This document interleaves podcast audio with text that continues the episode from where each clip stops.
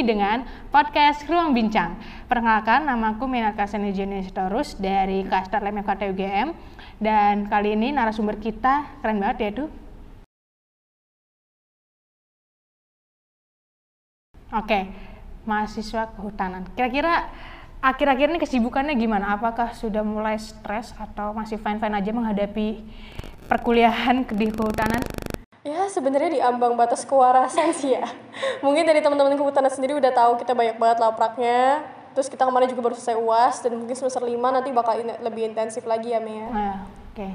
Get ready aja ya kita ya. Iya.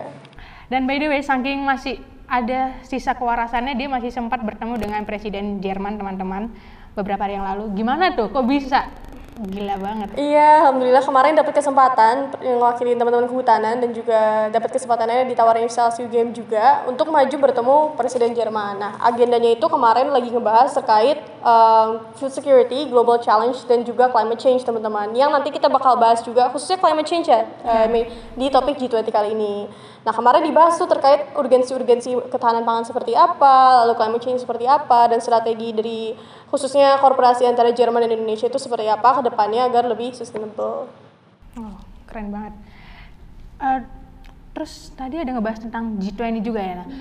Jadi uh, memang tema kita hari ini adalah tentang presidensi G20. Nah, mungkin teman-teman ada yang belum tahu apaan sih G20 itu kenapa nge-hype banget akhir-akhir ini. Jadi G20 itu sendiri ya teman-teman artinya adalah suatu forum internasional multilateral di mana di dalamnya terdapat 19 negara utama dan satu Uni Eropa. Nah, tujuan dari G20 ini apa? Dia tuh bakal mereka ini akan uh, berdiskusi membahas tentang uh, keberlanjutan atau kemajuan suatu negara terutama dalam bidang ekonomi, perdagangan, uh, kesehatan dan bahkan lingkungan.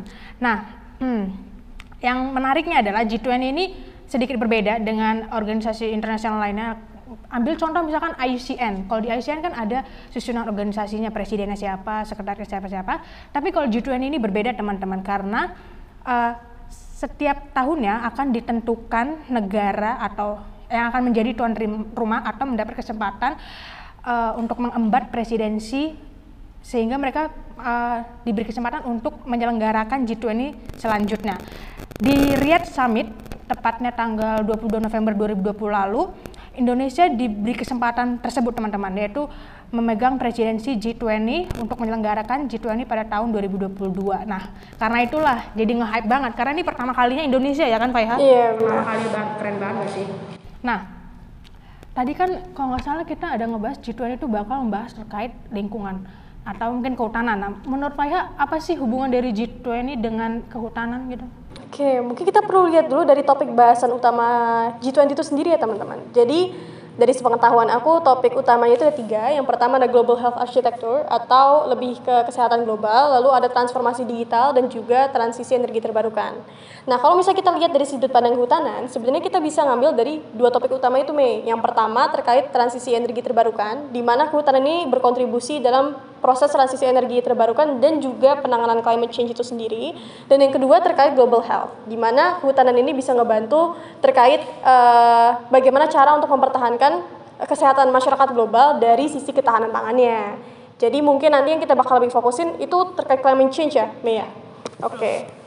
Nah, omong-omong climate change karena emang itu topik utama kita, kan saya tahu lah ya kan uh, dari kemarin itu pemerintah kita tuh sudah mengutarakan banyak komitmen-komitmen mereka dalam mengupayakan atau menurunkan uh, perubahan iklim, terutama di Indonesia. Nah, menurut Pak sendiri, kira kira-kira segala komitmen yang sudah diutarakan itu mungkin nggak sih tercapai? Uh, kan mereka tujuannya ada targetnya adalah ingin menurunkan suhu bumi sebesar 1,5 derajat Celcius. Menurut Pak itu mungkin nggak dengan segala komitmen mereka? Oke, okay, sebenarnya kalau misalnya kita tanya mungkin atau enggaknya ini ya, pasti mungkin gitu. Karena kalau misalnya nggak mungkin mereka nggak nggak bakal ngebuat skenario itu dari awal gitu. Tapi pertanyaannya apakah kita mau uh, ngasih effort kita to the extent di mana kita bisa mencapai target tersebut? Because it doesn't cost um, a small amount of energy small amount of time. Jadi kita butuh banyak sekali tenaga yang perlu kita masukkan. Contohnya kalau misalnya kita mau uh, lihat dari segi kehutanan kemarin kan kita udah fokus uh, target net volume ya teman-teman kita tuh perlu adanya ekstra effort juga dari hutan itu sendiri. Misalnya dalam bentuk eh, rehabilitasi lahan, dalam bentuk uh, penurunan tingkat degradasi dan deforestasi, lalu ada juga pengolahan gambut dan juga mangrove. Khususnya mereka sebagai net sink terbesar ya, karena mereka adalah uh, termasuknya hutan perairan seperti itu. Terus Uh, selain itu juga ada uh, pengelolaan hutan, konservasi hutan alam dan masih banyak lagi. Jadi yang jadi poin di sini adalah bagaimana kita bisa menekankan effort yang kita, sudah ada saat ini agar bisa mencapai target tersebut gitu.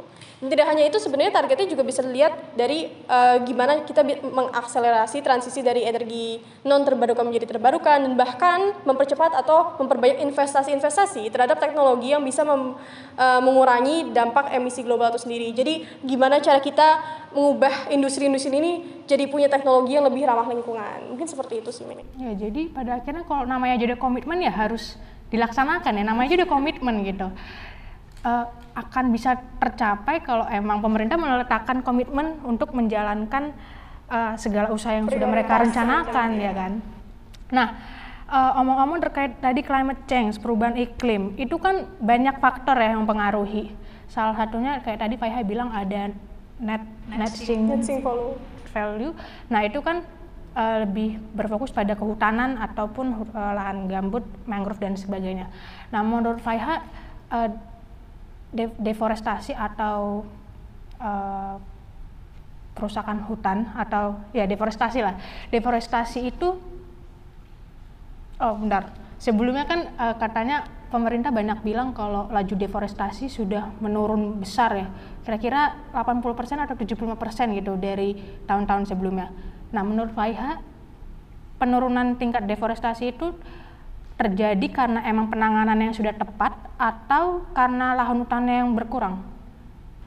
Oke, okay, ini interesting. Um, jadi sebenarnya kalau misalnya kita lihat faktor deforestasi itu nggak cuma berkecimpung di dua faktor itu tadi aja, Mei. Misalnya ada faktor-faktor eksternal lainnya Contohnya kalau misalnya kita lihat dari laju penurunan 2019-2020 dibandingkan dengan 2020-2021 lalu, itu kemungkinan besar karena pandemi itu sendiri. Di mana karena adanya perubahan demand dari pasar internasional, uh, karena adanya restriction ekspor, kita juga produksi uh, hutannya juga menurun ya istilahnya. Contohnya dari negara Cina, Australia, dan masih banyak lagi. Tapi kalau misalnya kita lihat dari dua opsi yang kamu kasih tadi nih, kan ada terkait penanganan sama uh, luas lahan ya, Mei ya, kalau nggak salah. Oke, jadi pertama dari penanganan itu sendiri. Iya, ini merupakan salah satu faktor utama menurut aku ya, yang paling berpengaruh terhadap penurunan um, deforestasi saat ini. Kenapa? Karena ada dua kebijakan utama yang dilaksanakan beberapa tahun terakhir. Yang pertama terkait moratorium sawit. Mungkin teman-teman udah, udah pernah dengar ini. Ini udah dilaksanain dari tahun 2015 sampai 2021 lalu, di mana adanya pembatasan uh, atau penahanan izin pembukaan lahan untuk uh, perkebunan sawit. Dan seperti yang kita ketahui bahwa sawit itu kan juga dampaknya signifikan ya terhadap deforestasi yang ada di Indonesia seperti itu. Tapi yang kedua juga karena adanya moratorium hutan Indonesia di mana adanya uh, pemberhentian izin terhadap pembukaan atau penggunaan hutan alam dan juga uh, hutan gambut gitu. Jadi ada restriction yang lebih kuat terhadap ini dan itu sudah ada dari 2015 lalu. Tapi baru dipermanenkan di tahun 2022 ini. Jadi mungkin itu yang membuat angka deforestasi dari tahun ke tahun uh, secara garis besar ya itu ada penurunan. Dan yang dari opsi ketiga tadi terkait penutupan lahan. Sebelum kita masuk ke situ, menurut aku kita perlu melihat dulu karena deforestasi ini kan bisa terjadi antara di kawasan hutan dan juga non hutan atau misalnya kayak lahan hutan yang kayak kamu bilang gitu kan. Nah, patokan deforestasi ini sebenarnya bukan keduanya tapi ke tutupannya, tutupan lahan hutannya. Jadi mau itu kawasan hutan ataupun non hutan, selama tutupannya antara berkurang atau tidak berkurangnya, itu bisa jadi patokan kita apakah itu tuh mengalami deforestasi atau enggak. Makanya kalau misalnya kita lihat uh, apakah suatu hutan itu mengalami deforestasi, kita perlu lihat data dari penutupan hutannya seperti apa dulu. Tapi poin aku adalah kalau misalnya kita ngelihat uh, poin aku adalah lahan hutan atau penurunan lahan hutan itu nggak bisa dijadiin patokan Uh, kalau misalnya kita mengukur deforestasi itu, jadi menurut aku itu bukan faktor yang bisa terlalu dipertimbangkan di uh, data yang kamu kasih tadi ya, gitu. Nah, terus uh, kan salah satu langkah pemerintah untuk mengurangi laju deforestasi kan termasuk uh, melakukan apa namanya rehabilitasi hutan mangrove.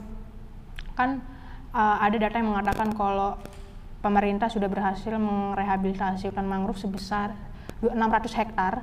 Nah, menurut Faiha uh, komitmen LH, KLHK terkait rehabilitasi hutan mangrove itu gimana? Apakah menurut Faiha itu emang udah terlaksana atau belum terkait komitmen mereka? Oke, susah ya pertanyaannya teman-teman. Jadi, oh bentar, disclaimer dulu teman-teman. Jadi memang topik kita tuh berat, tapi uh, disclaimer dulu kita hanya berbincang dari perspektif kita selaku mahasiswi. Jadi uh, mungkin aja kita ada kesalahan dalam menyampaikan opini kita karena kita masih mahasiswi dan perlu banyak belajar lagi dan kita memang bukan orang ahlinya. Yeah, iya. Baik yeah. lagi kita hanya menyampaikan apa yang ada dalam pikiran kita. Jadi ya ini hanya pikiran kritis kita. Oke, okay, bener banget sebenarnya kata Minat karena sebenarnya kalau kalian mau nanya tentang apa namanya komitmen KLHK ya monggo undang KLHK-nya langsung gitu. Mungkin next episode bisa jadi Kastrat mengundang Ibu Siti Nurbaya. Amin, amin. amin ya Tuhan. Keren, keren, keren. Okay. Iya, jadi apa namanya betul sekali. Kalau misalnya terkait komitmen KLHK, menurut aku, uh, aku di sini berbicara sebagai mahasiswa ya. Jadi um, aku nggak tahu kayak kita harus cari dulu datanya sebenarnya sejauh mana implementasi yang udah mereka berikan dan segalanya kan itu merupakan sesuatu yang nggak bisa dijawab dengan tanpa adanya kayak data yang mendukung seperti itu. Konkret, ya. Data yang konkret. Tapi kalau misalnya kita lihat secara garis besar dan secara umum, komitmennya dulu dari komitmennya dulu. Sebenarnya KLHK udah menunjukkan beberapa komitmennya. Misalnya pertama, mereka sudah menjadikan rehabilitasi hutan mangrove ini sebagai salah satu rencana pembangunan ekonomi nasional atau PEN tahun 2021 apa 2022 ini ya, aku lupa. Tapi uh, dari situ tuh mereka bertujuan untuk uh, meningkatkan perekonomian nasional dari penyerapan tenaga kerja. Jadi sebenarnya uh, rehabilitasi mangrove ini nggak cuma ngebantu terkait penutupan lahan hutan aja, tapi juga gimana itu bisa meningkatkan kondisi ekonomi dan sosial masyarakat sekitar. Itu yang pertama. Dan yang kedua, sebenarnya kita bisa melihat komitmen KLHK ini dari target net sink value yang mereka um, targeti, maksudnya uh, ingin mereka capai seperti itu. Nah, di situ kan mereka udah ada tuh eh, kira-kira uh, dari sektor kehutanan mereka mau menurunkan emisi GRK seberapa besar, lalu kira-kira dari sektor lainnya juga seberapa besar. Jadi aku rasa sebenarnya kalau dari komitmen mereka tuh udah ada, tapi bagaimana cara mereka mengimplementasikannya. Termasuk dari data yang kamu berikan tadi, kayak misalnya um, mereka mau nurunin 600 hektar lahan ya, rehabilitasi rehabilitasi 600 hektar lahan. Nah, kita perlu melihat itu lebih jauh lagi. Sebenarnya oke okay, mereka udah punya apa udah berniat untuk melakukan itu dan mungkin mereka sudah dalam prosesnya ya ya tapi gimana implementasi ke depannya? Apakah konsisten? Apakah itu benar-benar sesuai target dan seterusnya? Jadi mungkin perlu adanya transparansi dari pemerintah juga ya. Benar. biar kita tahu udah sampai mana progres mereka dalam uh, memenuhi komitmen tersebut.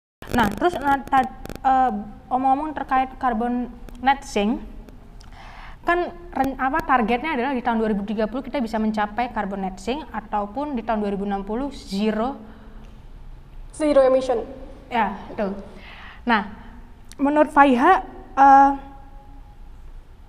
Faiha setuju nggak sih dengan taksiran tersebut? Kalau tahun 2030 kita bakal mencapai carbon net sink ataupun tahun 2060 mencapai zero net volume? Sebenarnya uh, mungkin dari net sink itu sendiri. Kan net sink itu tujuannya biar kita bisa bagaimana menyerap um, karbon atau khususnya GRK ya. Itu lebih banyak daripada yang dikeluarkan, intinya kayak gitu. Nah, kalau misalnya pencapaiannya dari target 2030, 2060 itu balik lagi ke penerapan atau implementasi uh, rencana target kita tadi. Balik lagi ke yang awal, kayak mereka seberapa intensif mau ngasih effort, mau ngasih extraordinary effort yang kita omongin saat ini. Nah, kalau misalnya ternyata mereka ternyata um, ada kegiatan-kegiatan di luar rencana atau misalnya belum seluruh apa ya stakeholders itu ikut dalam melakukan apa ya program-program atau usaha-usaha ini ya maka kemungkinan besar targetnya juga tidak akan tercapai. Dan artinya apa? Kalau tidak tercapai otomatis kita akan ada kemunduran dari target zero emission kita. Dan kita harus membuat adaptasi baru untuk target penurunan emisi kita di 2030 nanti. Dan menurut Faiha sebenarnya apa sih faktor utama uh, mempengaruhi kita dalam mencapai target carbon net sink di tahun 2030 itu apa sih faktor utamanya? Supaya kita bisa mencapai hal tersebut? sebenarnya kalau dari hutannya hutan itu sendiri ya. Hutan karena sesimpel itu. sesimpel itu hutan. Sebenarnya kayak semua itu fokusnya gimana cara kita memperluas hutan atau gimana caranya kita memaksimalkan fungsi hutan untuk menyerap karbon atau GRK sebanyak mungkin. Karena kalau misalnya semakin banyak otomatis kan semakin banyak nasi yang kita bisa dapatkan kan seperti itu berarti bisa dibilang karena tadi hutan faktor utamanya berarti bisa dibilang kalau sumber karbon itu terbesar dari hutan kah atau mungkin dari polusi atau asap industri menurut mereka? Sumber karbon GRK itu dari industri. Tapi rosot karbon terbesar atau misalnya uh, istilahnya net sink terbesar itu ada di hutan. Oke. Okay. Kalau misalnya kita lihat dari NDC Indonesia, dokumen NDC Indonesia, itu ada lima sektor yang kita targetin untuk adanya net sink volume. Itu ada sektor kehutanan, industri, uh, limbah, pertanian, sama satu lagi energi. Kehutanan itu paling besar. Kalau misalnya kita lewat uh, kita lihat dari skenario CM1, ada nanti di dokumennya itu uh, atau pakai usaha kita sendiri, kehutanan itu berkontribusi sebesar 17% dari penurunan GRK. Sedangkan yang kedua terbesar adalah dari sektor energi. Energi itu berkontribusi sebesar 11%. Tapi karena kita udah tahu kalau misalnya kehutanan ini berkontribusinya sangat besar atau enggak apa ya paling berpotensi lah ya. Menurut aku kita perlu maksimalnya dari segi hutan itu sendiri gitu. Apalagi hutan Indonesia luas banget kan maksudnya. Sebenarnya luas, tapi pengelolaannya ah, gimana? balik lagi, oke. Okay. Yang banyak ya, namanya PR pemerintah itu banyak gak sih? Banyak banget, terutama dari bidang lingkungan atau kehutanan aja udah banyak. Nah, dan seandainya nih, kan pemerintah udah menyusun banyak komitmen atau strategi-strategi mereka dalam mencapai target 2030 ataupun 2060 nanti kalau seandainya strategi tersebut tidak tercapai untuk memenuhi komitmen tersebut, menurut Faiha gimana? daripada kita netting mending kita fokus dulu sama target sekarang okay. kita fokus dulu sama target sekarang kita udah punya target Dancing Fall 2030 kita usahain dulu itu semaksimal mungkin kak. Dan kalau misalnya maksudnya karena sebenarnya Paris Agreement aja udah ada dari 2015 dan itu mungkin belum semua negara yang bahkan sudah meratifikasi itu memenuhi targetnya ya teman-teman. Jadi pasti akan ada um, istilahnya apa ya mungkin uh, ketidakpenuhan target dari 2030 itu ada kemungkinannya tentu saja. Tapi sekarang gimana kita fokus buat mencapai itu dulu? Dan yang kedua pun kita misalnya nggak mencapai target itu berarti kan kita harus tadi yang aku bilang kayak uh, beradaptasi secepat mungkin untuk membuat target baru dan implementasi yang lebih efektif gitu. Daripada yang ada saat ini. Dan kita harus belajar nih dari 10 tahun ini. Mastiin kalau misalnya kita nggak ngulang kesalahan yang sama di uh, periode-periode selanjutnya. Karena itu tadi kan, kita mau ada zero emission 2060 dan ini cuma bisa tercapai kalau misalnya 2030 kita mencapai target net volume dan setelah itu kita menurunin sekitar 30 juta uh, ton ke, uh, emisi karbon dioksida setiap tahunnya sampai 2050. Jadi ini emang PR yang berat banget sih untuk kita. Tergantung gimana kontribusi dari setiap sektor di sini dari pemerintah, industri, bahkan kalangan masyarakat yang uh, dari nasional internasional untuk uh, turut bekerja sama dalam target ini gitu. Jadi step by step. Jadi kalau kita punya impian atau capaian gitu harus melakukan step by step ya nggak bisa ada yang instan. Jadi oke. Okay. Uh, eh, semoga uh, pemerintah kita bisa mencapai targetnya ya. Mungkin Pak ya ada mau closing statement dulu apa gitu? Oke, okay, berarti Sebelum kita mengakhiri lebih lanjut.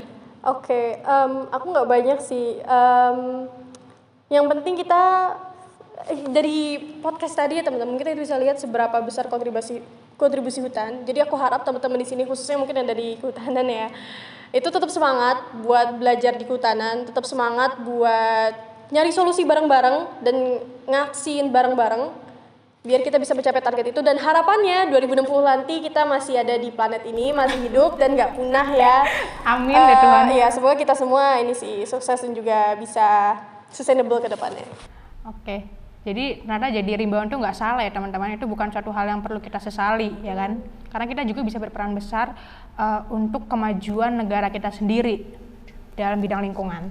Oke, jadi kita udah hampir berapa menit nih kita bincang-bincang terkait presidensi G20 tentang uh, carbon net sink. Oh, berat banget kita pembahasannya, kita hanya seorang mahasiswi gitu. Tapi uh, apa ya jawaban-jawaban dari Faya itu benar-benar menambah insight baru dari aku teman-teman. Semoga untuk uh, para pendengar nanti juga bisa menambah insight baru dari pernyataan yang Faiha sampaikan dan candai kalau kita ada uh, opini yang salah mohon maafkan karena opini nggak ada yang salah tapi mungkin dari teman-teman ada yang mau nambahin oh, atau iya. mungkin ada beberapa fakta atau data yang mau dikoreksi boleh banget atau uh, mungkin bisa lewat mana Mei? nanti teman-teman bisa uh, apa ya beropini di kolom komentar itu terbuka luas, terbuka dengan lebar untuk teman-teman kalaupun opini lainnya. Jadi jangan lupa untuk like, comment, subscribe juga. Jadi kita jadikan podcast ini sebagai tempat uh, untuk berdiskusi secara digital, oke? Okay? Nah, Jadi itu aja kira-kira untuk uh, episode tentang presidensi G20. Saya Melka Seni Jenis Torus dan Saya Fehaska Zahira. sampai jumpa di ruang di podcast ruang bincang selanjutnya. Bye bye. Bye. Terima kasih teman-teman yang udah.